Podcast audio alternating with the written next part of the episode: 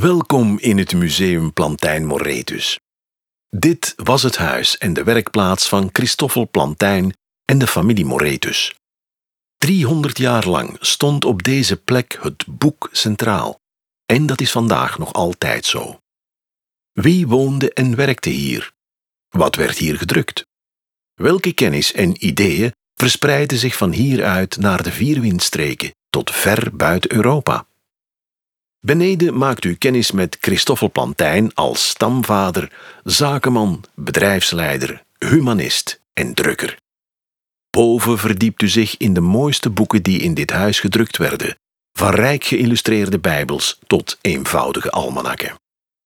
Her en der liggen reproducties van boeken die in dit huis werden gedrukt. Blader er naar hartelust in.